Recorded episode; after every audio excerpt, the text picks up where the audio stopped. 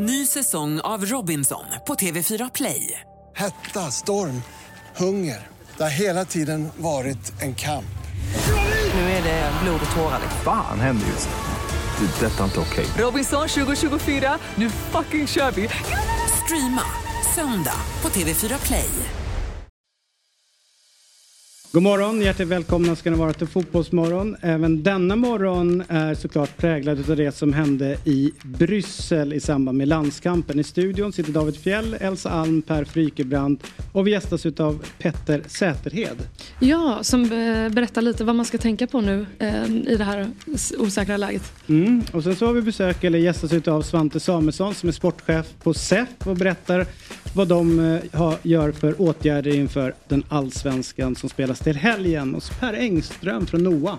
Precis, som också berättar ja, men lite hur polisen jobbar med den här frågan. Mm. Och en göteborgare i form av Robin Andersson Malmros. Som jobbar med radikalisering och hur människor söker sig till, till den miljön och vad vi som samhället kan göra för att motverka det. Mm. Och så dyker Janne Andersson, förbundskaptenen, upp och pratar om eh, hans upplevelse i samband med det som hände i Bryssel. Verkligen, och starkt att få direkt känslan på plats som var där och då och hur man tänker på det nu efterhand. Mm. Hjärtligt välkomna till Fotbollsmorgon.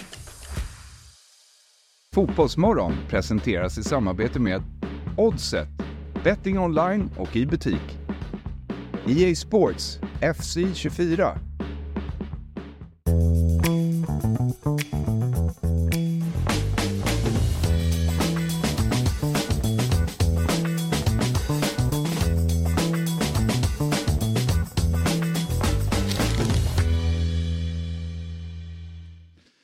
God morgon och hjärtligt välkomna till ännu ett avsnitt utav Fotbollsmorgon tillsammans med mig Per Frykebrant. Vi har Elsa Alm i studion och vi har David Fjell. Jajamensan. Som är programledare eller? Nej, det vet man inte. Ibland. Vi sitter ju här och har ett samtal. Exakt. Så att, eh, jag kan ta med den där också. Ett egalitärt samtal. Ja, vänner det var ju, ni var ju senare den här morgonen så jag var lite stressad över att vi skulle kunna Eh, komma så igång. här tidigt har jag ju aldrig varit. Nej, nej förvisso. Men hur mår ni? Efter omständigheterna relativt bra ändå. Mm. Vad, vad tänker du? Nej men eh, man har väl varit lite skärrad efter det som har hänt. Eh, Det ska man inte sticka under stolar med. Nej. Men under omständigheterna så, så mår man ju bra. Men eh, apropå den, den eh, förhöjda hotnivån då i Sverige som infördes eh, eh, i somras. I augusti så höjde ju då regeringen terrornivån från en 3 till en 4 på den här femgradiga skalan. Och det var ju många som blev rädda men livet har fortsatt precis som vanligt och vi har börjat eh, acceptera den här fyran på den femgradiga skalan fram tills då eh, i eh, terrordådet i Bryssel mot de svenskar eh, som blev drabbade där. Och vad händer nu, nu? Hur är läget i Sverige? Bör man vara rädd som svensk?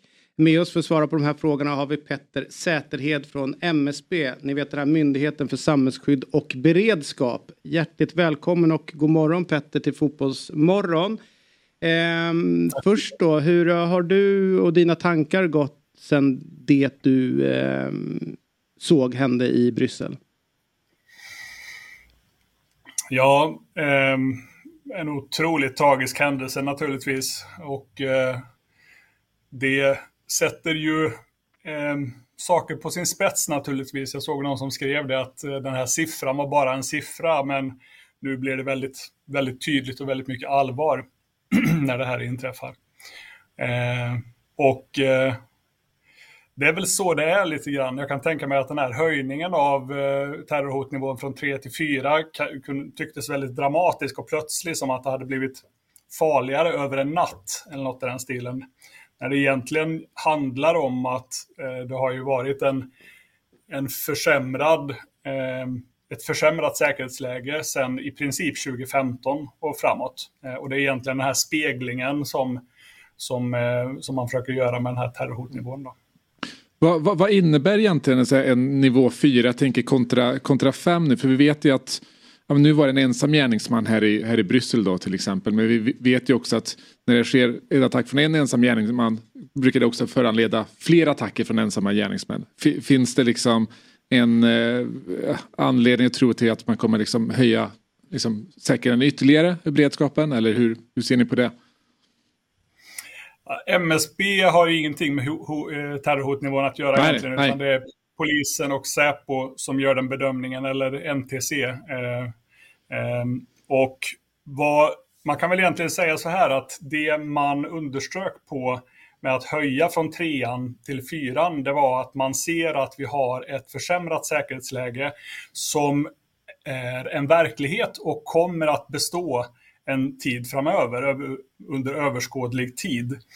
Och Det är väl lite det som jag tror att syftet med den här höjningen var. Det var att ge en signal till aktörer som verkar i offentliga miljöer. Eh, vi har ju sett från 2015 och framåt så har vi sett ett ökande eh, ambition att angripa vad vi kallar för mjuka mål, alltså eh, måltavlor som inte har ett uttalat skydd som finns i offentliga miljöer. Allting från alltså, evenemang eller eh, stadskärnor eh, eller trosamfund. Eh, och vad man ville göra med den här höjningen från 3 till 4, det var att visa eller tala om för aktörer att det här är någonting, vi måste börja acceptera att det här är en verklighet under överskådlig tid och att aktörer behöver börja tänka på skydd och säkerhet som en planeringsförutsättning, inte någonting man bara klistrar på efteråt.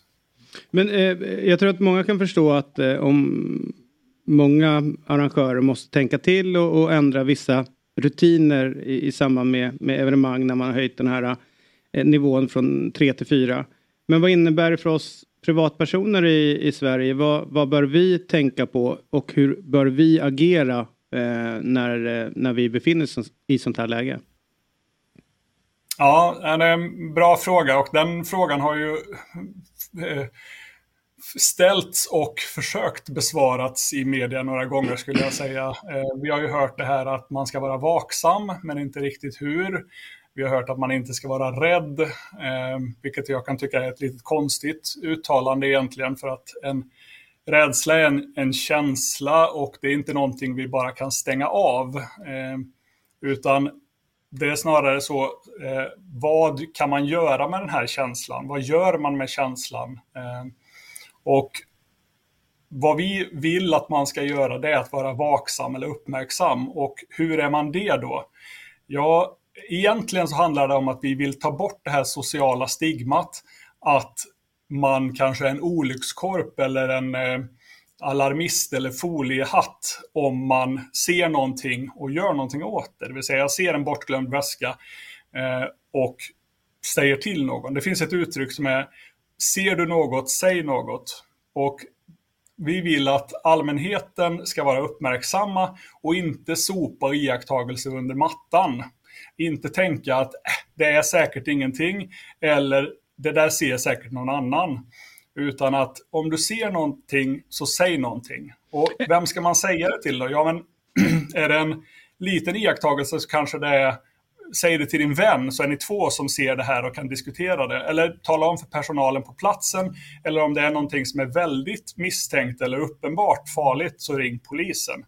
Eh, och det viktiga är egentligen det här, det är inte att vi ska spana mer eller så här, eh, utan det är att ta dina iakttagelser på allvar. Om du ser någonting, så säg någonting. Um det, det, jag håller helt med, men det, det, man tänker på om man är i London till exempel och de har förhöjt eh, läge. Så exakt det du säger, men det påminner om ute i allmänheten hela tiden. Mm. Eh, om du ser någonting, gör någonting och det, det är högtalarsystem och så vidare. Det, det skapar ju såklart att folk har koll på det men det skapar ju också en stress, en oro. Hur ser den avvägningen ut från ert håll? Hur mycket ska man påminna om det förhöjda läget? Och hur mycket ska man liksom backa undan för att inte skapa för stor oro och, och liksom rädsla i samhället? En jätteviktig eh, balansgång naturligtvis. Eh, med, rekommendationen från myndigheterna är ju att lev som vanligt men var uppmärksam. Och egentligen kan man säga, var inte, var inte rädd, var pragmatisk. Eller använd din rädsla pragmatiskt. Alltså, eh, ta reda på, eller var vaksam och uppmärksam tänk igenom vad skulle jag göra om det inträffade någonting här? Hur tar jag mig ut härifrån till exempel?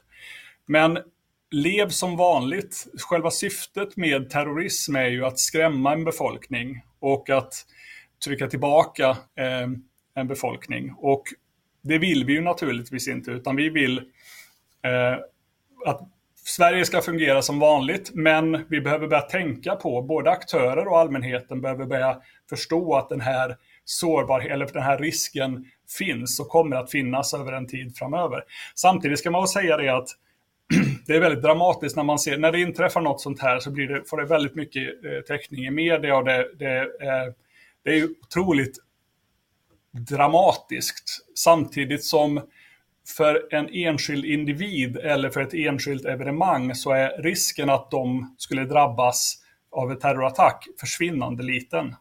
Så risken att du som medborgare skulle drabbas är i princip noll.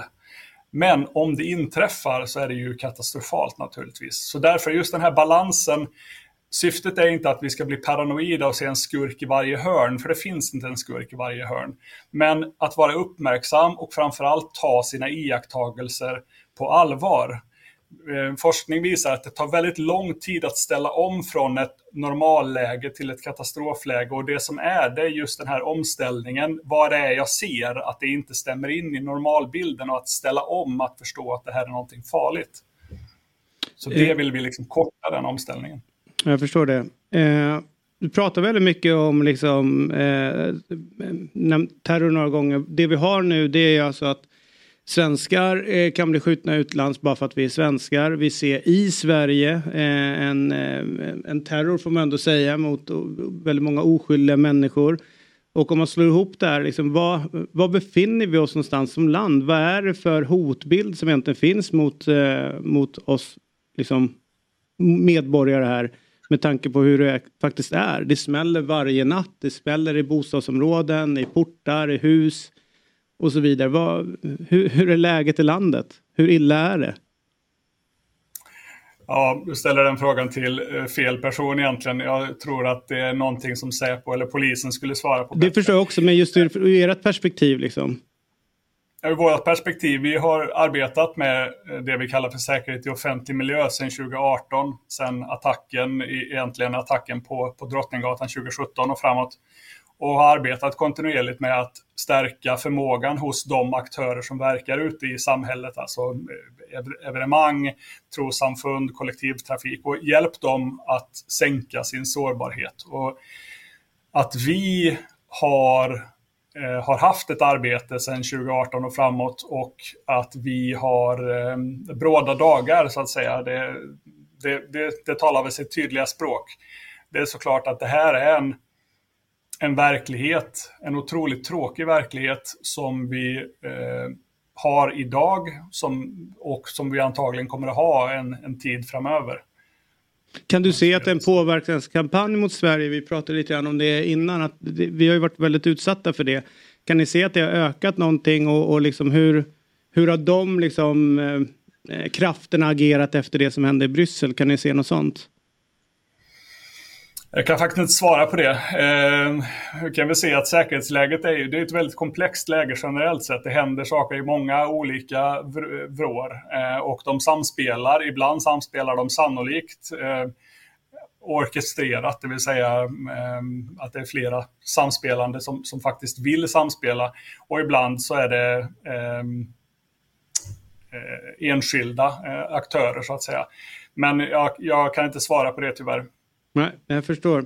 All right. Tusen tack för eh, att du ville vara med oss den här morgonen eh, Petter Sätered från eh, MSB, Myndigheten för samhällsskydd och beredskap. Tack så mycket. Tack. tack. Vi är denna vecka sponsrade av Hantverksdata.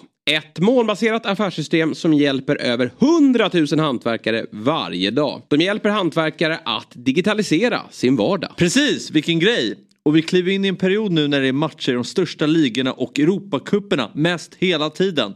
Såväl vardagar som helg. Så med hjälp av hantverksdata sparar man tid och pengar för att hinna se alla matcher. Och Fabbe, om man bortser från de här korpmatcherna du kollar på och fokuserar på de större ligorna. Hur många matcher ser du varje vecka? Ja, men jag skulle nog säga att det är minst tio. Ibland fler. Så eh, då gäller det ju att vara väldigt effektiv. Jajamän, och Hantverksdata har hjälpt hantverkare att spara tid och pengar i över 50 år. Allt är samlat i samma system där du hittar lösningar för bland annat order, projekt, service, lön och lager. Du behöver bara ett system för att effektivisera din vardag. Nämligen det från Hantverksdata. Av hantverkare, för hantverkare. Vi säger tack till Hantverksdata som är med och sponsrar Fotbollsmorgon. Poddtips från Podplay. I fallen jag aldrig glömmer djupdyker Hasse Aro i arbetet bakom några av Sveriges mest uppseendeväckande brottsutredningar. Går vi in med hemlig telefonavlyssning och, och då upplever vi att vi får en total förändring av hans beteende. Vad är det som händer nu? Vem är det som läcker? Och så säger han att jag är kriminell, jag har varit kriminell i hela mitt liv men att mörda ett barn, där går min gräns. Nya säsongen av Fallen jag aldrig glömmer på Podplay. Nu eh, ska vi säga att vi gör ett byte upp då innan, innan han hör vad jag säger. Så att vi, gör, eh, vi uppgraderar programmet genom att ta oss till eh, Göteborg, härliga Göteborg. Där eh, Segerstedtinstitutet, ett centrum för frågor kring våldsbejakande extremism och eh, där har vi Robert Andersson, eh, Robin Andersson Malmros med oss, universitetslektor i sociologi eh, och är, har då koll på eh, den här våldsbejakande extremismen. Men vet du det roligaste allt? Han är också en trogen fotbollsmorgonlyssnare. Oh. Och han spelar eh, eh, fantasy Premier League. Så att det är liksom, han är smart och han har god smak. Verkligen. Eh, men hur som helst, eh, nu ska inte jag prata mer utan vi ska hälsa honom välkommen. God morgon Robin, hur, hur mår du?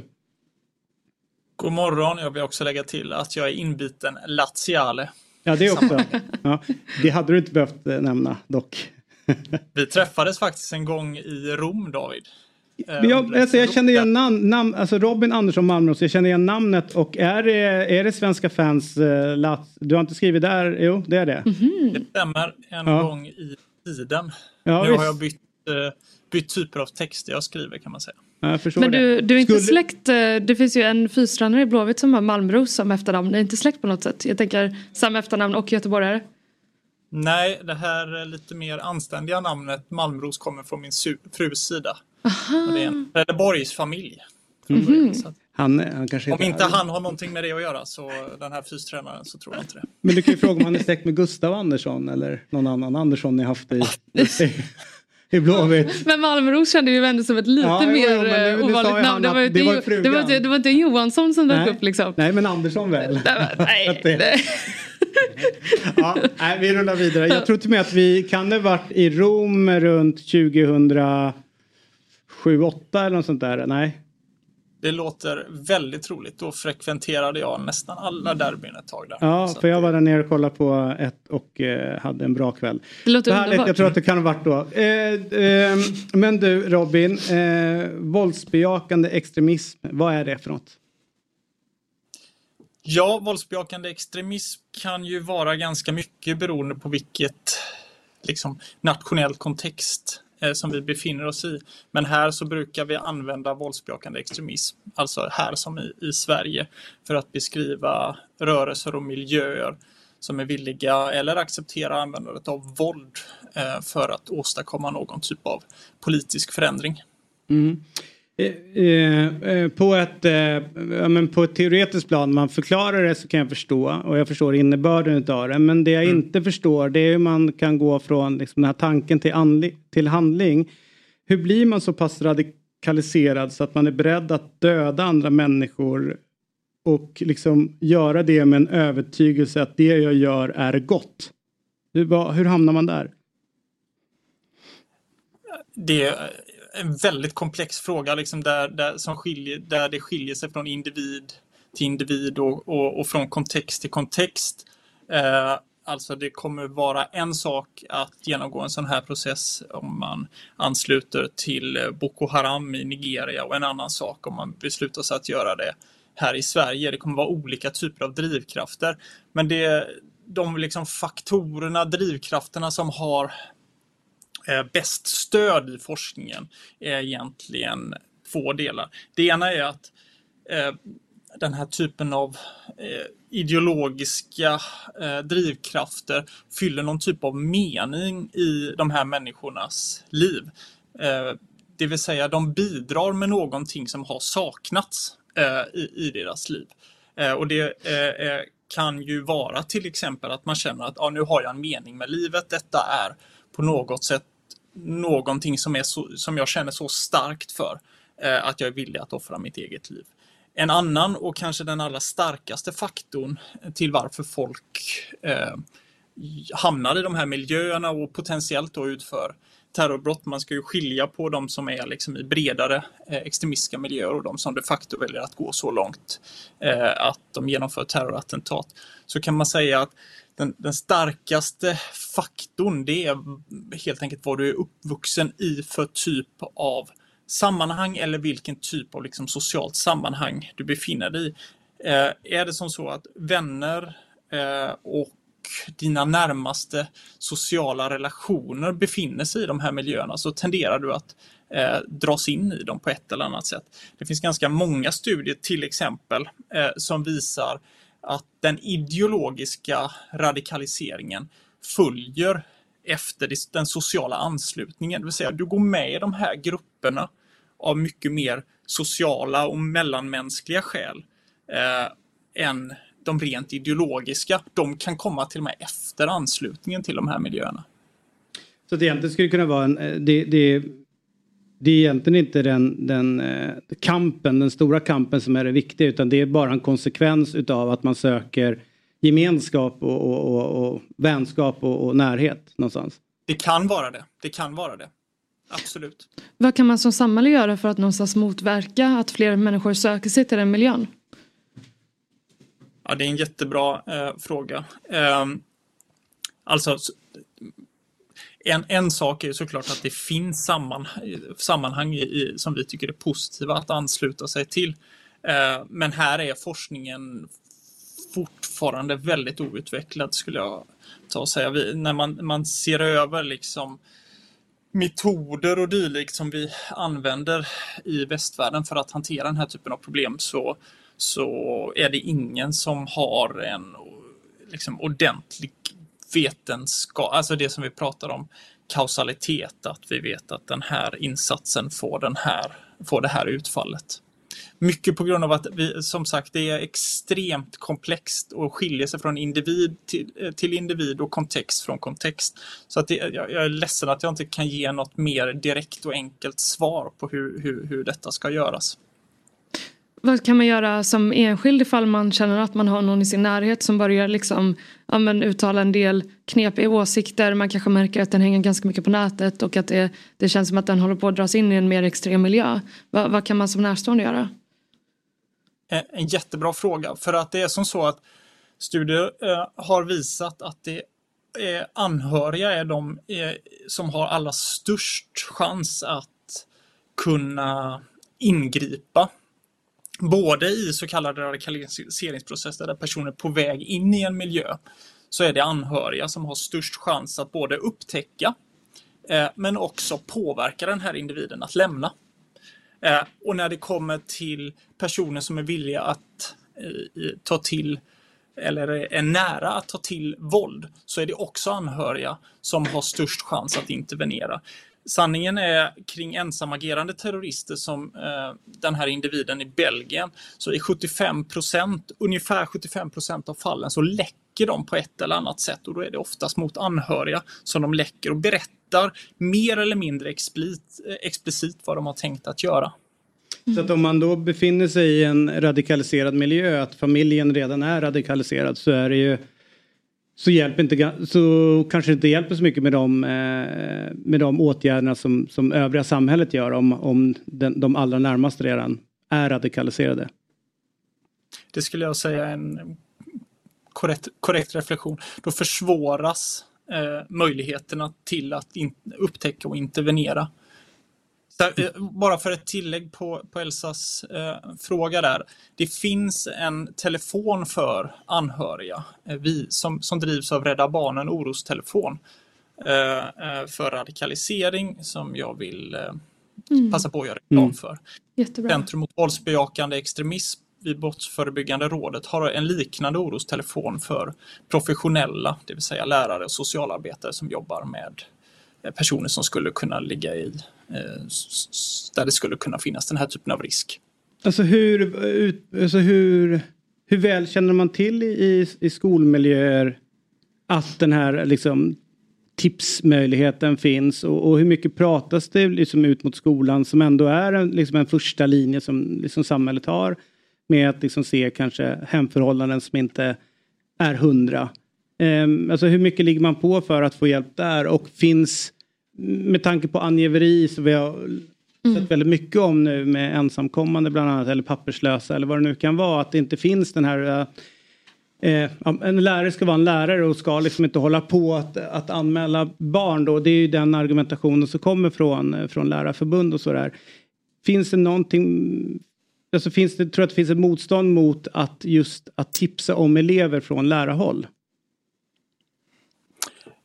Det är en fråga som jag har studerat väldigt noga eh, tidigare och, och, och, jag skulle inte säga att det finns ett motstånd utan det finns väldigt goda argument för att inte tipsa säkerhetstjänster och polis allt för tidigt. Eh, för det, lärare och socialarbetare är oftast de individerna bortom familjen som eh, har bäst relationer med de här individerna eh, som skulle kunna finnas i, i riskzon.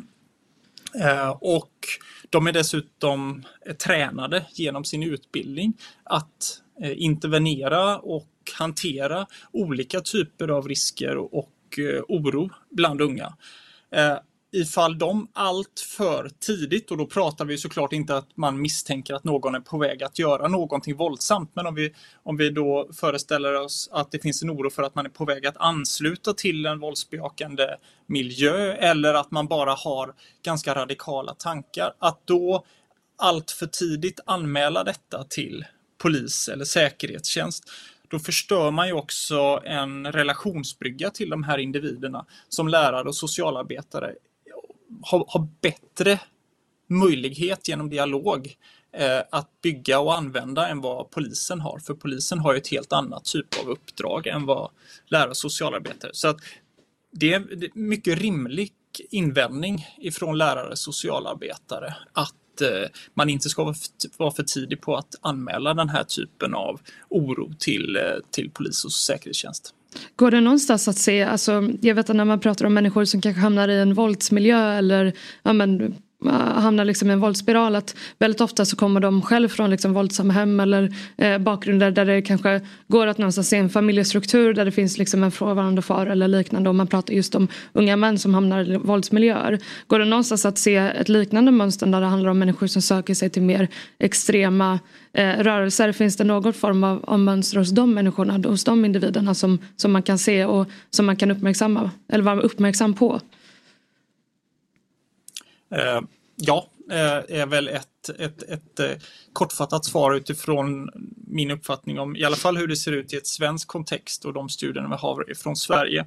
Eh, vi har genomfört till exempel studier på, eh, på, vad, på, på vilka platser som nazisterna var som starkast i kommunvalen på, i början av 30-talet och vilka platser där vi har högst aktivitet från Nordiska motståndsrörelsen eh, idag och ser ju en ganska stor överlappning.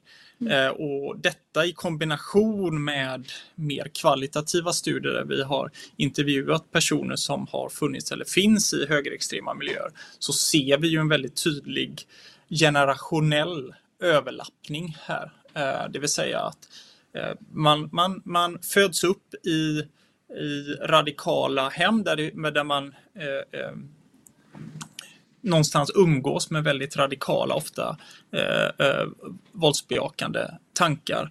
Och det kommer såklart påverka en i, i mm. livet. Det finns ju, det är inte konstigare än för, för oss tre. Alltså om man har föräldrar som har röstat på ett visst typ av parti och man diskuterar mycket politik vid bordet där den ena Eh, eh, parti, eh, det ena partiet är toppenbra och det andra är bra mycket sämre så kommer man som ung ta, eh, ja, inspireras och påverkas av det.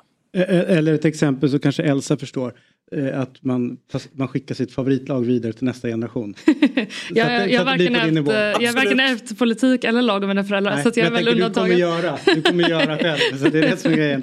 Du, innan vi Nej, släpper men, och det tror jag, Ja. förlåt att jag avbryter, men det tror jag är en väldigt eh, eh, god reflektion, alltså kring mer vardagliga Mm. saker. Man ska inte försöka mystifiera det här med radikalisering allt för mycket, utan det handlar i väldigt stor utsträckning, i alla fall eh, i, i grunden, eh, om ganska basala eh, mänskliga behov som uppfylls genom de här grupperingarna och ganska basala mänskliga processer som leder till att du hamnar i de här miljöerna. Sen så finns det såklart eh, helt andra typer av faktorer eh, som är eh, kring våldsutövande och det här existentiella vi och dem-tänkandet Mm. som gör att folk går mycket längre än vad eh, eh, vi skulle göra bara för att vi kanske håller på ett speciellt lag eller Mm. eh, ett parti.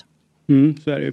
Du eh, Robin, eh, tusen tack. Jag skulle nästan vilja prata lite grann mer med dig om den här gängkriminaliteten och hur man eh, hamnar där. Men jag tror inte vi har tid den här morgonen. Men kanske längre fram eh, att prata om det och, och om det är samma, samma drivkrafter Mm. bakom det hela. Men eh, tusen tack för den här morgonen. Eh, och eh, Christian Arvidsson och du måste väl känna varandra. Båda från ja. Göteborg, eh, båda håller på Lazio och så vidare. Så nu börjar allting falla på, falla på plats. här. Alla göteborgare har Ja. band till varandra. Och Mats Lärneby, där har vi det. Lärneby ja. och- ja, du var med i det gänget ja. ja exakt. Ja, ja och jag, jag var nere och spelade författar-EM.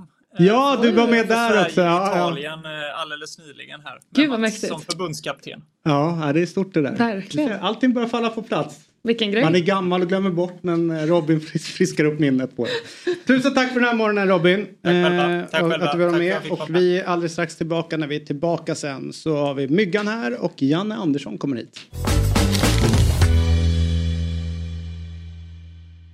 Hej!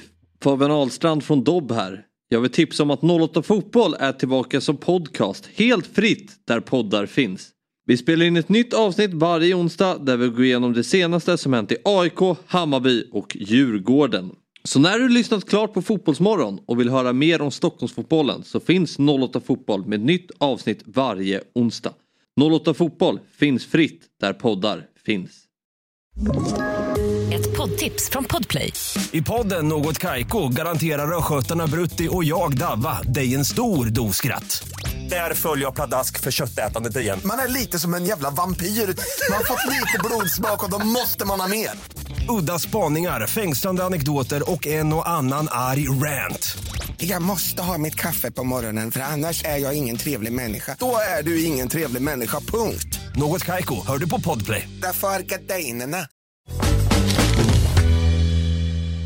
Då är vi tillbaka igen i Fotbollsmorgon. Eh, vi hälsar Myggan välkommen och alldeles strax om eh, några minuter bara så kommer eh, Janne Andersson här hit och då ska vi prata mer om det som hände i, eh, i Bryssel. Eh, men innan det eh, så är det ju så att vi ska prata lite grann, vi, vi- bara bryter av och pratar om någonting annat. Fan vad dåliga du och jag är på FC24. Det blev 0-0 när vi skulle Ja. köra förra gången. Ja. Var det noll skott det på var mål? en kul, eh, kul match.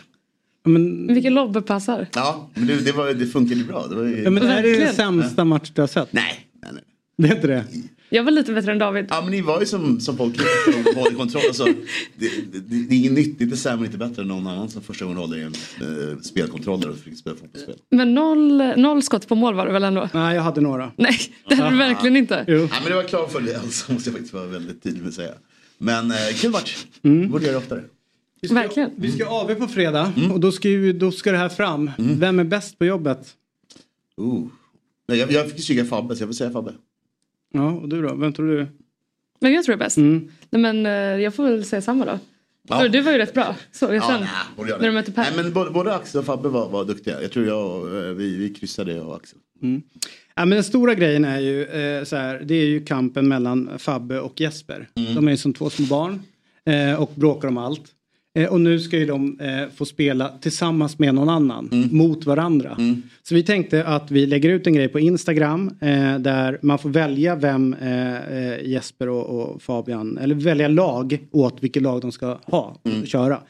Så att är det då för Hoffman så kan man då välja City, Liverpool, Spurs och AIK. Oj. Mm. Och för Fabbe så finns PSG, Real Madrid, Chelsea eller Djurgården. Så dels måste man välja där.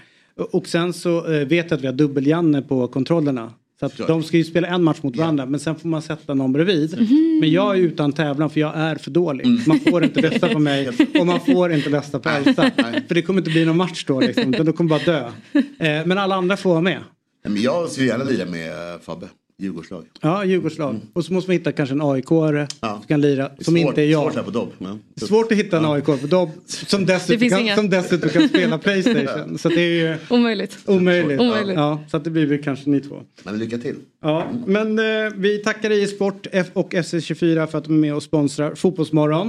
Eh, det här tycker vi är jättekul och jag, någon dag så ska jag eh, försöka bli bra. Jag har fått en väldigt lång text som jag ska läsa upp nu men det är en som fyller år. En sann legendar fyllde år igår. En av Sveriges mest lojala människor. Det var inte hans hundrade födelsedag, inte heller hans hundraförsta. Han fyllde nämligen 102 år och han heter Ragnar Strömberg. Vad är det som är speciellt med Ragnar Strömberg?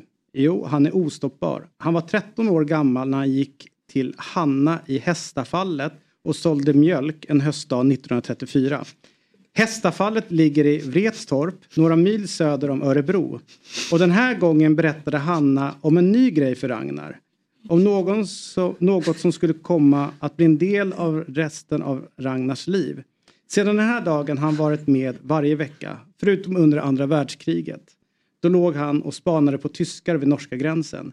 När det tog slut kunde han återgå till sin nu 88 år långa tradition, nämligen Stryktipset. Vi har alltså att göra med en man som har kämpat med spikar i 89 år. Två gånger har han fått 13 rätt. Då blev det 20 respektive 10 000 kronor utdelning. Förra veckan blev det 9 rätt för Ragnar. Stort Kung Ragnar. grattis i efterskott Ragnar. Vilken jävla kämpe du är. Ja, så 88 år. Det är... Ja. Ja.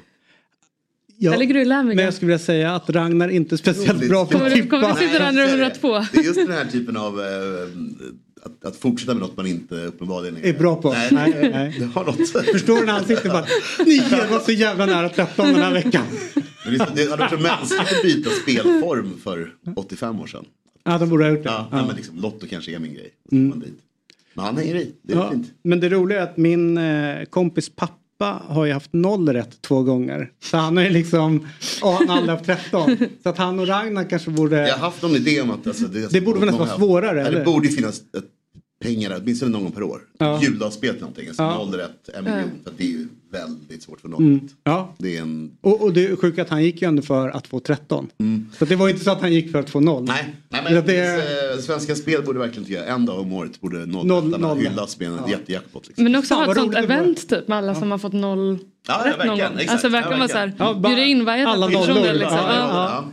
Som får sitta med eh, i samma rum taktiken, som liksom? eh. Sveriges minst begåvade människor. Det skulle kul att Alltså se mer lägst av, eh, IQ. Nollorna får vara där inne, köra en fest. Davids kompis pappa är bara han hade ord för David.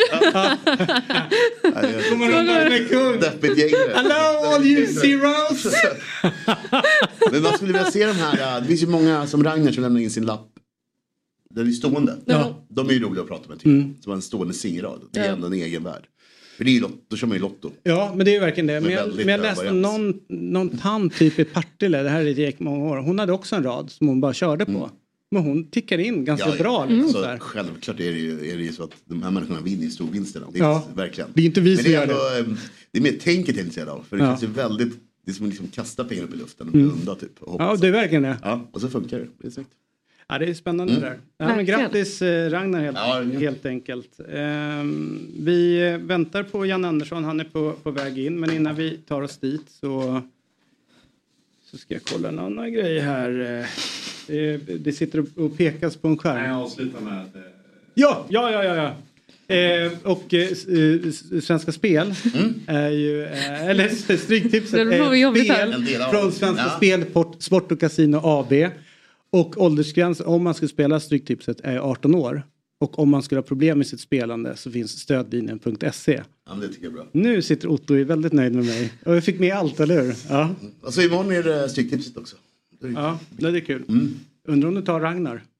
Ja, svår fråga. Men det är kul med, det är en rolig kupong. Det är Premier League tillbaka och sånt. Så det är Ja. jättepirrigt. Äntligen, eh, Ja. äntligen Nej, men man, ja. det kryper i kroppen. Det är Efter klubblagsfotbollen igen. Janne, Ja. eh, Janne är i alla fall lite sen. Eh, han är på gång in och Myggan du som, exakt, du som plockar upp mycket och sådär. Vad, vad, vad, har du, vad är dina tankar kring, kring det som hände i, i Bryssel liksom? Och, Ja, nej, men, ja, ja, det är hemskt såklart. Men, men det, det, är, det är kul hur man liksom, hur, hur man, kul fel ord, men hur man eh, förbrödras och sånt där. Det är ju det är roligt och det är, liksom att, det är det fina i det hela i alla fall. Att se att det finns en sån eh, organisation som liksom på något sätt ställer sig upp. Mm. Och eh, jag tyckte Janne skötte det där eh, superbra. Eh, bra presskonferens och Reinfeldt pratade i en morse hörde jag. Mm. Också duktig. Så att, nej, men det, var, det var hemskt och eh, oskyldiga liv ska inte självklart. Eh, sådär.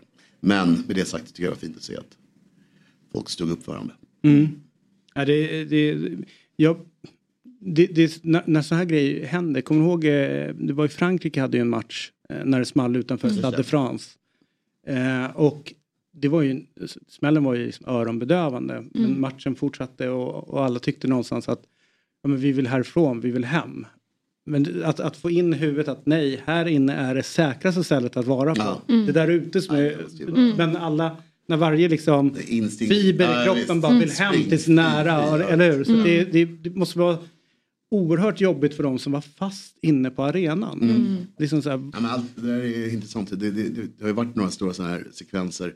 Men, men jag, jag var ju på, eh, jag var ute den natten när Estonia sjönk med ett eh, fartyg. Och det pratade vi om efteråt, att det var ju svårt. Alltså, Vilket år? Det här var ju länge sedan. Ja, exakt. Ja, 94. Eh, och då var vi första skeppet där. Och då var det kul för det var ju verkligen så att man ville ju fly. Men det är ganska svårt att fly när man då ska rädda människor och vara kvar. Vi var ju kvar där i två, tre dagar. På Vadå på? För att vi var ju ett räddningsskepp också såklart. Liksom. Alltså du var ute och, alltså, det, har, det har jag fan jag inte haft koll. Vi var första båten ja, som kom fram. Alla dina vänner, vi har ett jäkla gäng. Som vart på... Ja, vi var, vi var, vi right. var Ja. Ja, jag var i en annan sinnesstämning. Ja, jag fattar. Ja. Jag var i London då Mm. så att jag missade er. Ja. Mm. Men, Gud, vilken eh, grej ändå. På tal om att fly menar jag. Att Ja. ja. Intressant så kroppen var så här, man vill ju bara hem. Men samtidigt var det så uppenbart att man måste ju vara kvar såklart. Men den där, Det måste varit Det var jobbigt två- två också. långa dagar, liksom, när folk var så traumatiserade kanske och kom på er båt. ja eh, exakt, vi såg ju inte dem, de Ja. det ifrån oss liksom. Men många hade ju sett eh, hemska saker på vår båt såklart, som de träffade. Men vi, jag tror vi, vi var ganska förskonade, vi som var uppe och festade då på natten. Mm. Så vi slapp den biten i alla fall.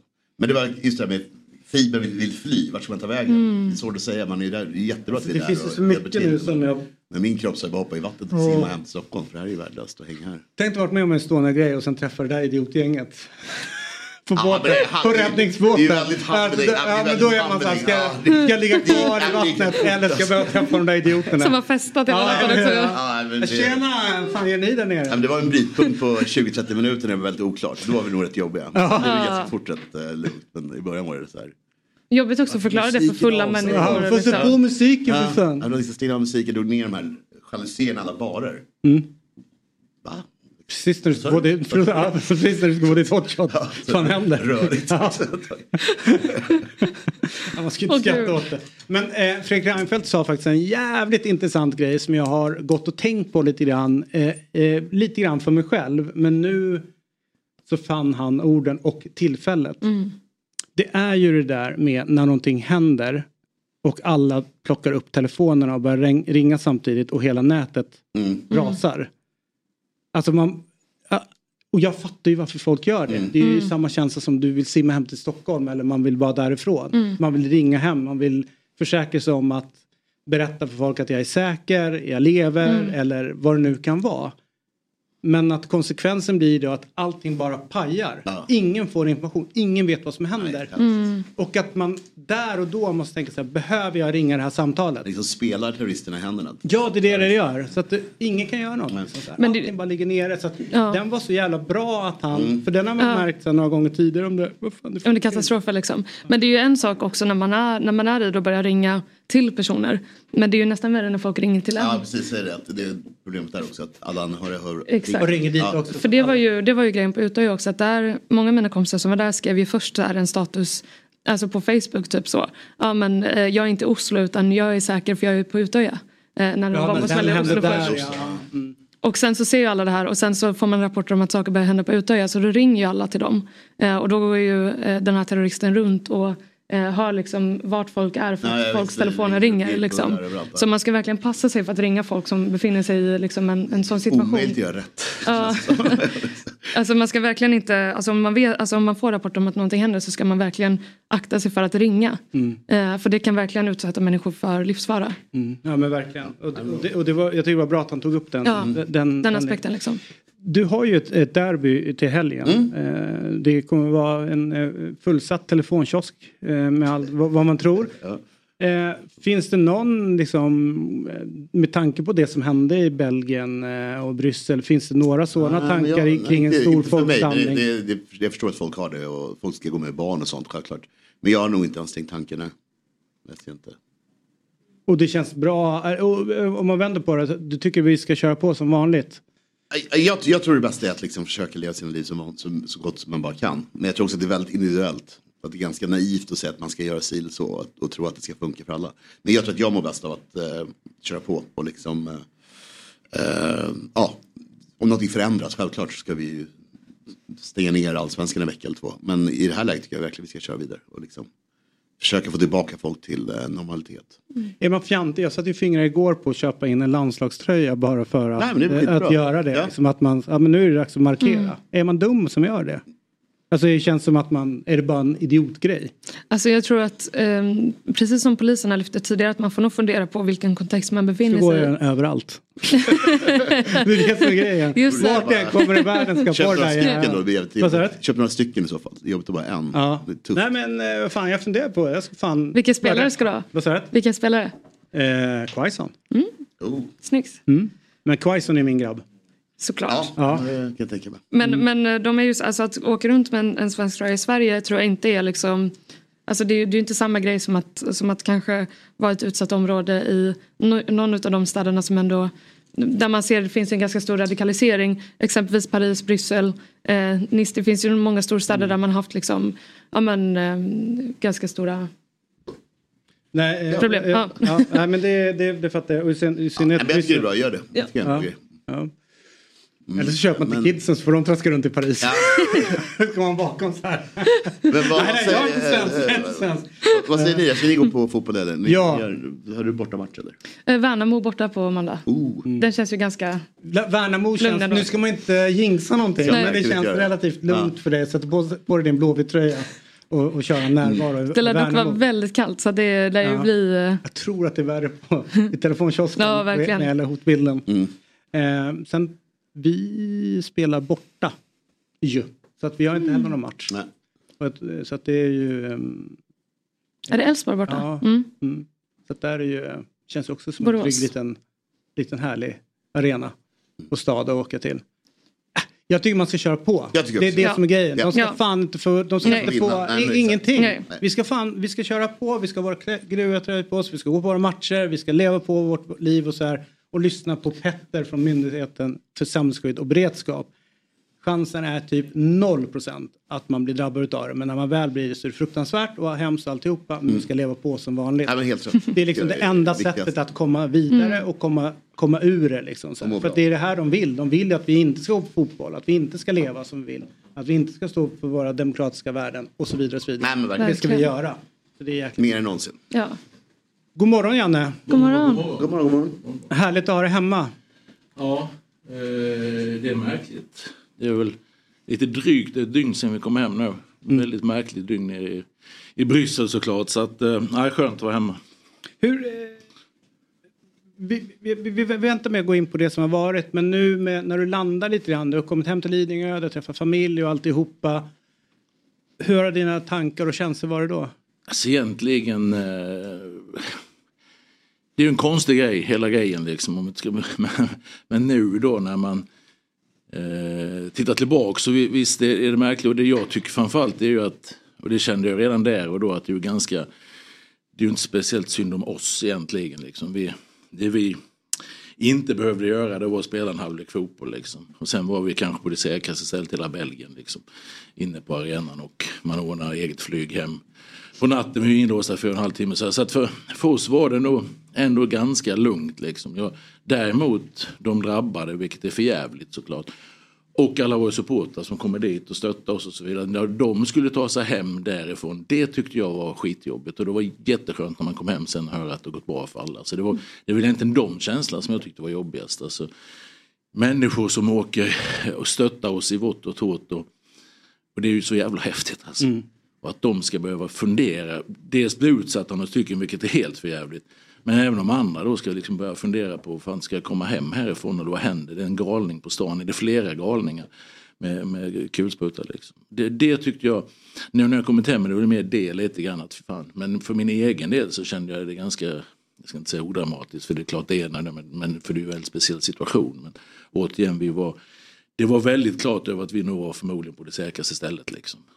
Det, det, det blev ju också en så här jobbig situation eh, för, för eh, publiken där. De får inte lämna, de får inte informationen, det är tyst länge, det börjar bli kallt och sådär. Hur, eh, liksom, när, när förstod ni att liksom, vi måste gå upp och prata med dem? För ni hade ju en samling och du, du höll Ja. ett tal till dem liksom. Jag var ute redan, redan när de var på läktaren ganska tidigt och tänkte gå och prata med dem men då avrådde de mig för vi skulle vänta lite och hade lite med, eller sa så här, vänta lite. Så jag var på väg dit själv ganska tidigt. Uh, och Martin Fredman skickade en hälsning till mig när jag står med inne på planen till dem och sådär. Så att jag, alltså som ambassadör i det här fallet för landslaget så kände jag att det var en viktig del. Sen kan man ju inte säga så mycket i den situationen vi var i den här lokalen. Hur var stämningen där inne? Alltså, vi kom, det, var, det, var, det, var, det var mycket folk. Jag har svårt att börja det. De sa ju att det var 400 svenska supportrar kvar. Men om alla fick plats där inne, det vågar jag inte säga. Men det var en jättelokal. Men då fick jag en mick där inne och så var det ett gäng spelare och ledare som hängde med. De som var närmast när vi gick liksom. bara. Eh, och då kände jag, jag kommer inte ens ihåg vad jag sa. Men, men någonting ville man säga. Försöka på något sätt trösta och på något sätt också belysa att vi är tillsammans. Vi vet inte heller när vi kommer hem. Vi är också Mm. fast här liksom. Sen som sagt fick vi ju en eget, eget plan hem och det var lite enklare kanske för många andra. Men hur var stämningen bland, var, var liksom sinnesstämningen bland de som var där? Nej, så det blev tyst med detsamma och eh, vi var inte inne så länge. För det, det, men, men jag har svårt att säga det men de, de ropade ju något. Heja, någon hejaramsa när vi gick ut sådär va? så att det fanns väl ändå en viss form av tro på att det, det skulle bli bra. Hur fick ni beskedet om att någonting hade hänt? Det är en märklig upplevelse för det, dels är det ju man behöver egentligen så- prata sportsligt är svårt men det var min 92 landskamp eh, vilket i sig var speciellt laddat för mig då för då gick jag med Åby Eriksson som den mest egna förbundskaptenen. Så jag hade ju mycket energi med mig in i matchen och så får vi reda på precis innan då att Azerbajdzjan förlorar mot Österrike. Vilket gör att då ställer det om i huvudet. Då vet jag att nu är det slut om två matcher. Jag är efter det här. Då ställde det om i huvudet på en känslomässigt. Men det var ju ingen superskräll. Men, men ändå, va? man hade ju ändå förhoppningen. Och Azerbajdzjan brände ju stolpe i slutet. Alltså. Mm. Då hade man det med sig. Eh, Och sen in och så gör vi en jättebra första halvlek mot en världsnation på bortaplan. Och då har man ju en jävligt massa energi igen. Att spelarna ställer upp på mig och på varandra på det sättet. När alla visste att vi inte hade något att, sp- något att spela för. Gick med det. Så man hade så mycket känsla i det här. Va? Man, alltså, många lägen. Och så när jag kom in i gången, spelargången, så kom ju säkerhetsfolk fram med detsamma. Och Fredrik Reinfeldt och Håkan Sjöström pratade kring det här. Eh, vad, vad som hade hänt. Och jag, de fick nog, jag fattade nog inte det först. Utan, eftersom jag hade så mycket annat också. Så det tog nog eh, någon minut innan jag liksom fick in det. Och när jag väl har fått in det så, så här, här kan vi inte spela mer fotboll idag. Det var liksom bara fullständigt självklart för mig. Mm.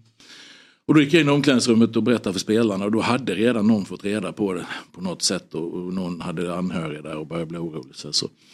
Då sa jag egentligen bara samma sak och spelarna direkt att vi, vi, vi kan inte spela här. Sen gick det en liten stund och sen gick vi in, jag och Viktor Lindelöf då som lagkapten. Och, Håkan Sjöstrand och jag hängde med till och träffade Lukaku och Fertongen och, och några ledare där och matchdelegaten och sådär. Och så de var ju 100% på.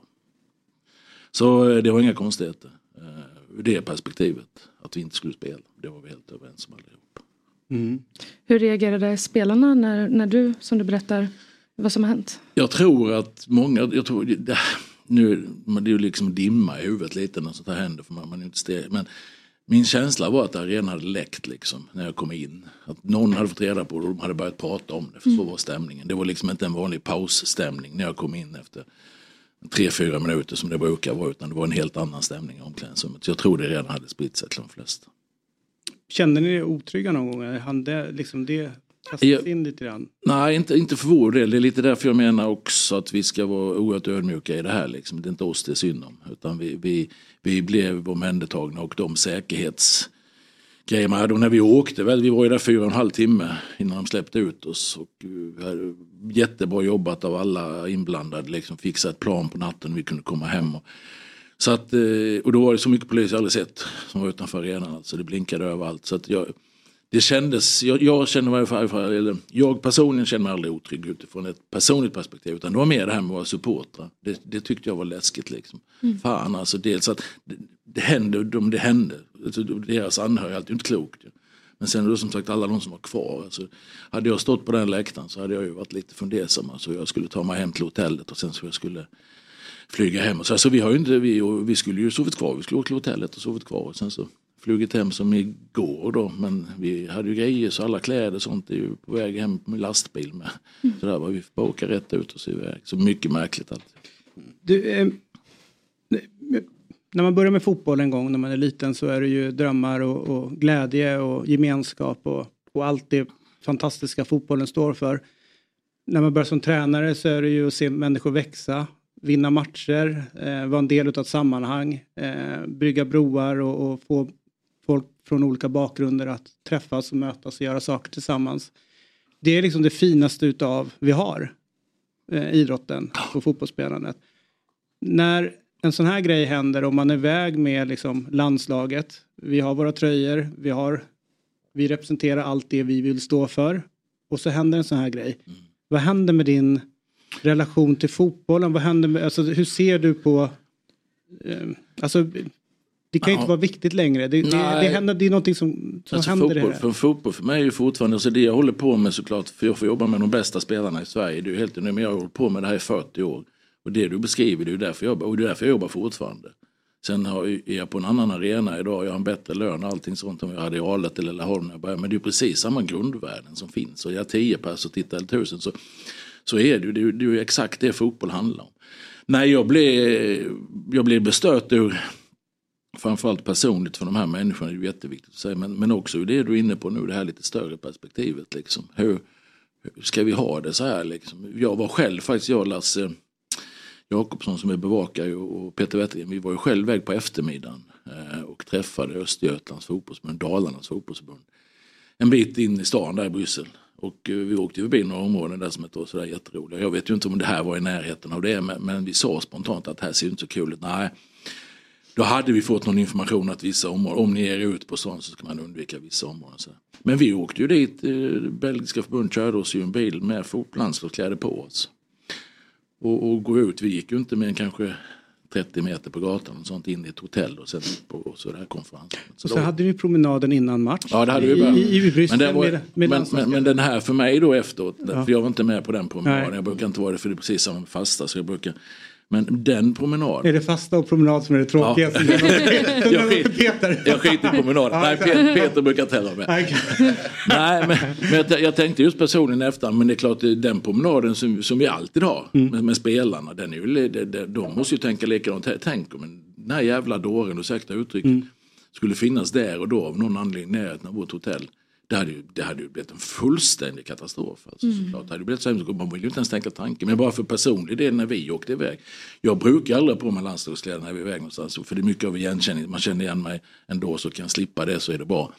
Men, men eh, jag kommer ju inte göra det fler gånger. Liksom, visa mig offentligt i de kläderna. Det, det, det, Nej, för det, för, för det här är ju lite, vi satt ju och pratade Mm. med, jag var ju avsikten, åsikten, nu ska vi eh, klä hela jävla världen i våra gula landslagströjor och, och liksom så här, vi ska stå upp för det. Men det här, är det någonting som ligger i pappren till nästa samling till exempel? Ja, men det är Azerbajdzjan man ska åka till. Det är liksom, vi, vi kan inte ha liksom, svenska landslagskläder på oss när vi går ut och går, när vi ska åka, om de ska gå och ta fika någonstans. Är det, är det, dit, är det där vi har hamnat nu? Nu har vi inte utvärderat det här, vi har ju folk som jobbar med det Ja. och det är så färskt. Men klart, den här typen av tankar har kommit i mitt huvud.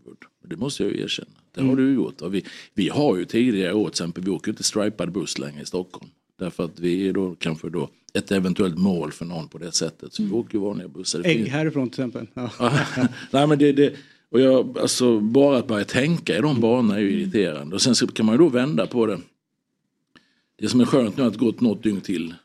Det, utan att veta, men så tyder väl då kanske mycket på förhoppningsvis på att detta var en enstaka individ som, som det inte stämde på. Men, men eh, och går det lite mer tid så kanske man får lite annat perspektiv till det och då kanske man värderar det olika. Och sen finns det ju folk som jobbar med det här som, som får tala om vad som är bäst. Men man kan ju vända på saker och ting. Det är klart att tar vi inte på oss de gula tröjorna så, så då vinner ju Mm. de här lite grann, du hörde det sista du sa bara när jag kom in i studion. Liksom. Vi pratar om demokratiska värdena, vad vi står för i Sverige, vi vill ha det och så vidare. Där, där vi på något sätt ska stå upp för varandra. Det är ju den ena sidan. Den andra sidan är, ska jag riskera att bli skjuten? Alltså, det, det är ju det yttersta andra Mm. sidan som Mm. uppenbarligen har hänt nu. Och det, vad, vad, hur, hur ställer hur värderar man det här? Och jag tror det är oerhört individuellt liksom, hur man får hantera den här typen av frågor. Men vi kommer ju klart ha en, in i nästa samling så kommer vi ju klart ha en strategi för hur vi ska agera. Men, men det är lite tag dit. Vad händer med, eh, dels så kommer ju då eh, Azerbajdzjans förlust. Det här kommer, det är en samling kvar. Liksom så här, tidigare så har det varit så här, ah, okej nu ska vi köra på, men nu ligger det en massa annat i papperna som du bär med dig in i det. Hur, alltså, hur mår du i det, i, det här med tanke på att det, liksom, det är inte det här som skulle vara man ska rulla mot slutet liksom. Det är så extremt nu. Ja, nej, men alltså för mig personligen så har jag inga, liksom, alltså jag har ju vetat i tre och ett halvt år att om vi missar EM skulle sluta. Mm. Och efter eh, Österrike hemma så sjönk ju chanserna drastiskt. Liksom. Det, var, det fanns ju ett litet, litet hopp kvar men att nu det blev som det blev i den delen efter den här samlingen det var ju inte helt ologiskt. Så det, det är en sak liksom. Jag vill avsluta den här perioden på 94 landskamper som ska bli på allra, allra bästa sätt. Och jag är helt övertygad om att spelarna också vill det på allra bästa sätt. Att, att vi har ett så stort förtroende för varandra så vi kommer göra det här bra. Det, det är liksom vad som finns i mitt huvud. Sen är ju det här en separat händelse som är fullständigt vidrig att behöva uppleva såklart. Mm. Eh, vi, vi nämnde lite grann eh, runt den gula landslagströjan. Det är den världens finaste eh, landslagströja såklart, det tycker vi här. Eh, och det är ju ett annat narrativ nu. Det, det, är, liksom, det, det är lite grann förknippat med eh, från andra länder att vi står för någonting som inte vi tycker vi står för. Hur, hur kan vi lyckas vända liksom, synen på Sverige? Eh, och har du märkt när ni har varit ute något här, att det har blivit en förändrad, Nej. förutom det konkreta nu som Ja, hände här? ja. Nej, nej, nej, men det kan jag inte säga så. Utan för mig är det så konstigt för att eh, när jag hör, och man följer, nu har man ju följt nyhetssändningar såklart igår, så man ju mycket av det. Många experter som uttalar sig hur det uppenbarligen är idag. Men ursäkta mig, men hur fan kunde det bli så här? Alltså jag, man är ju uppvuxen med Sverige som fredsmäklare, neutralt land i världen och vi har liksom hållit oss utanför och vi stöttar och vi, vi sänder mycket pengar i bistånd och så vidare. Vi är schyssta mot varandra och vi ska vara demokratiska och vi tar in invandrare och vi ska vara öppna och liksom på ett schysst och bra. Och hur, hur har vi hamnat här? Alltså det är Och helt ganska overkligt. snabbt. Tänk, Ja, När vi sågs 2016 i, i Frankrike när man var på väg Ja, det. så var det liksom det var ju, då pratade man om de glada svenskarna som Ja, var över ja, de olika ja, städerna. ja, det var ja. likadant 2012 i Ja, Ukraina och så vidare. Så Jag vet precis 18, samma. Alltså det, Jag tror det, det- det var, vi var helt- vä- alla har älskat att, Ja, ja. att svenskarna kommer dit. Och det har aldrig varit något hot mot oss. Nej, och den var ju för, jag vet inte, vi såg- sågs på flygplatsen men det var, Mm. var det efter i I Toulouse. 2016, Ja, ja. Ja, ja, precis så, ja. För då var jag ute på stan själv och Mm. Ulrika och jag var ute på stan och träffade svenska supportrar. Och det var ju brutalt häftigt. Mm. Alltså. Sicken stämning, vilken atmosfär. Alla glada. Det var Ja, ingen, alla inget skit och inget trams. Inget trams Nej. eller skit eller någonting. Va? Så att man, när jag, man, som svensk alltså medborgare blir man ju ledsen. Man blir ju jätteledsen. Och för mig är det så konstigt att vi kan hamna i det här. Så Mm. Man kan ju inte peka ut någons fel heller. Fall inte jag. Men, men, men eh, hur fan har det gått till? Det, det är Och det, och jättemärkligt. det, det är mindre än tio år liksom. Så har Ja, ja, visst. Totalt. Så, liksom. Totalt. Ja, det, är, Usch, ja, det, är, usch, det är fruktansvärt. Nej, det är bara att hoppas att vi kan få ordning på det igen. För det, det, det som beskrivs idag för, av de onda krafterna där ute, det är ju inte sant. Det är ju det värsta. Ju. Hade, Mm. vi nu inte, hade vi nu inte varit, det är ju en annan sak. Men vi, jag tycker väl totalt sett vi försöker vara schyssta i Sverige. Sen finns det ju delar i vårt samhälle idag som är hemska på sitt sätt med gängkriminalitet och annat. Alltså, det kan vi ju inte bortse ifrån. Men Men det borde vi inte bli skjutna för. Nej, Alltså, nej. om man tänker så. Nej, men så, men det är ett annat problem det är vi har annat- där. Ja, det, det är ett annat Så, problem. ja. Det är ju en annan del. Så det, är, det, är, det är jobbigt nu. Har du följt någonting av gängkriminaliteten och liksom i, i relation till fotbollen? Att eh, den här rapporten som dök upp kring eh, infiltration inom Ja, lite har jag gjort och det är också väldigt konstigt. Sen är det ju, det finns ju ett grundproblem med fotbollen, det har funnits så många år nu, det är bara värre krafter, men det är ju att det finns för mycket pengar. Mm. Där det finns pengar, där blir det, drar det ju till sig mystiska och skumma figurer. Och, eh, jag klagar inte på att det finns pengar för jag har en bra lön så att säga. Så inte så men, men, men det drar ju till sig skit, tyvärr. Och idag så, de här sista nu, nu kommer ju det här i samband med samlingen så det har jag inte kunnat ta in riktigt det sista. Va? Exakt detaljerna i det. Men, men generellt sett att det finns mycket konstiga krafter kring vår fotboll idag, så är det. Det är tyvärr en tråkig sanning. Mm. Det pratas ju också om att, eh, i och med att vissa spelare i samma omklädningsrum kan sitta med agenter från rivaliserande gäng. Mm. Eh, och att det då kan bli att de inte längre kan spela i samma lag utan man måste ha koll på sådana saker.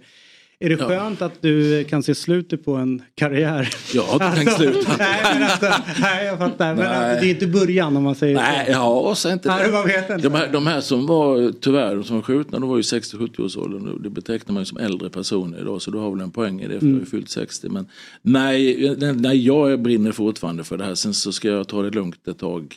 Opererat knä sådär när jag är klar med det här. Men sen så ska jag på det igen med något. Det är absolut ambitionen. Och, Mm. eh, Så får vi se vad och Men har vad. det blivit mer, okej vi ställer frågan så här, har det blivit en annan roll givet liksom eh, hur samhällsutvecklingen har varit med eh, andra typer av rådgivare som dyker upp, kanske andra på eh, i, nu vet jag det var länge sedan, men Ja. i Norrköping till exempel så, så satt ju du liksom Ja, ja. med och liksom eh, var, var involverad i Jag den. tror, jag, när jag har pratat med gamla kollegor, för jag i Norrköping var jag manager, Mm, så då var jag både sportchef och tränare, satt med alla förhandlingar, avtal och scouting och hela den delen utöver att jag hade hela, och, och det var ju samma i Halmstad, jag var väldigt inblandad i allting.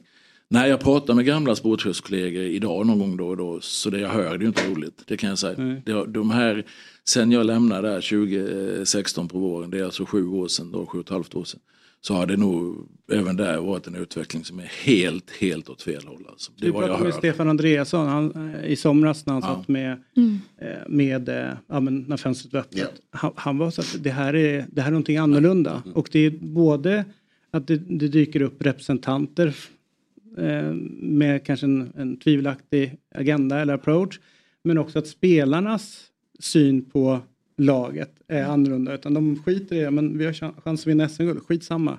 Jag ska ut, jag ska dra. Så att det har blivit Och där menar jag... och vilka som, vilka som Ja. ligger bakom det då? Liksom. Så att det har blivit Nej, men det, och den, har- den, hör man, den har jag hört från flera stycken, precis som du säger. Sen, och där är väl mitt jobb eh, annorlunda utifrån det perspektivet. Att alla som blir uttagna till landslaget är glada för att vara med och vinna en kort period tillsammans. Och alla, liksom. Så det är en annan typ av jobb. Mm. Så jag, jag ska egentligen inte uttala mig om det är mer än det precis som du beskriver. Detta har jag hört från flera stycken.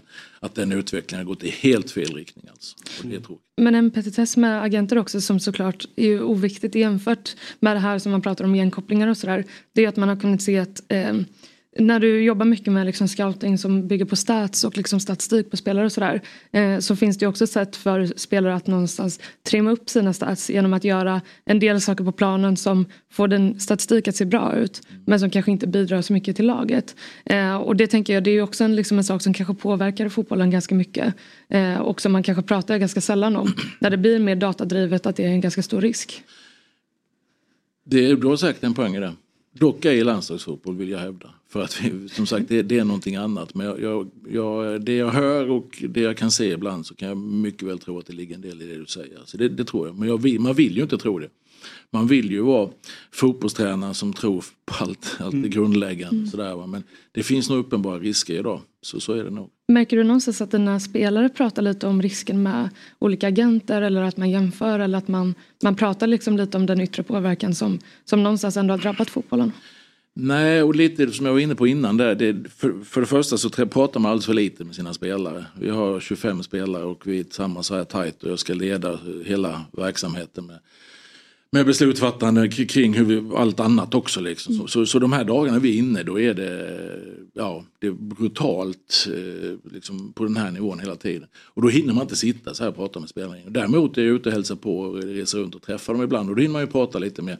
Men den här typen av frågor har, det, det kan jag inte säga att jag har märkt på det sättet. Jag, jag, jag är helt övertygad, 100% övertygad, att det inte gäller i landslagsfotboll på samma sätt. Det, det vågar jag påstå utifrån att det är helt andra förutsättningar. Men återigen, eh, jag kan mycket väl tänka mig utifrån det jag hör att, att det kan fungera så. Kan man få press som landslags eller som förbundskapten från agenter till exempel att ta ut den här spelaren för att alla vet att deras marknadsvärde höjs ju så fort de gör en landskamp. Nej, Det har jag har inte varit så. aldrig fått någon press. Däremot har jag, känner jag en del agenter sedan tidigare som, så, och det kan ha varit eh, kring eh, dubbla medborgarskap och sånt där som kan ringa och fråga bara, som bara vill ha en information som, som känner respekt för mig och jag känner respekt för den. För det, Mm. vi pratar agenter, alla, vi ska inte ta alla över en kam. Mm. Liksom, det finns ju många som är bra där och jobbat i många år och väldigt bra värderingar. Eh, Så att, och då kan vi ha ett öppet samtal. Jag, jag lovar inte att ta ut honom någon gång men han är aktuell eh, tillräckligt mycket för att jag tycker det är bra om han inte tar något annat land till exempel. Mm. Så att, den typen av samtal har jag haft men ingen som överhuvudtaget har försökt komma med den typen av antydningar eller på något sätt har jag inte haft. Nej. Det skulle varit jag då med Tjärnström där i början. Ja det är mycket AIK. Det var inte det med AIK. men- Quaison och sånt där, ja. Varje presskonferens. Jag måste ha missat eh, Quaison där. Du följer efter Janne när han går i korridorerna. Ja, så har det skönt när Ken, bara. Kennedy la av också. För det var många bajare som tyckte att Ja, han borde vara med. ja. Så jag så, gjorde faktiskt en hälsning och bad mig göra till Kennedy på storbilden. Där jag sa det är skönt att lägga av nu så behöver jag inte höra det fler gånger. Ja, den är jävligt bra. alltså. Men eh, ja, innan vi slutar, det var ju roligt eh, när eh, Janne och Peter precis hade tagit över. Då hade ju inte Janne koll på att på balkongen bredvid så bodde jag. Och så satt man och skulle planera lite grann inför sin första samling. Då stack man ut huvudet. Visste Quaison med? Nej, inte den där. Jag måste väl ta upp innan man exakt. Gnaget så. Ja, exakt. Men jag hade, ju, jag hade ju en sån själv som jag får skylla mig själv. Det var ju Ante G här som jag hade i Norrköping. Ante G Johansson, en Mm. fantastisk kille och fotbollsspelare. Jag tyckte ju då precis året innan att han var ungefär lika bra som mittback som de som spelade i landslaget. Sen tog jag över själv.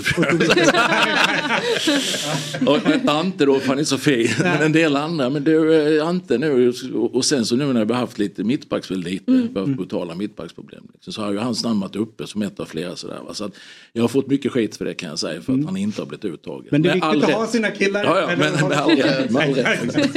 Ja.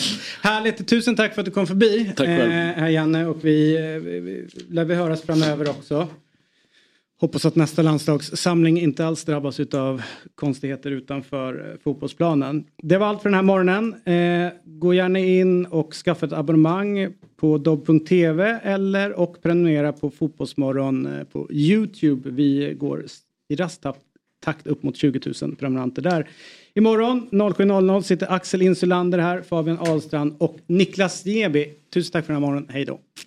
Fotbollsmorgon presenteras i samarbete med Oddset, betting online och i butik. EA Sports, FC 24.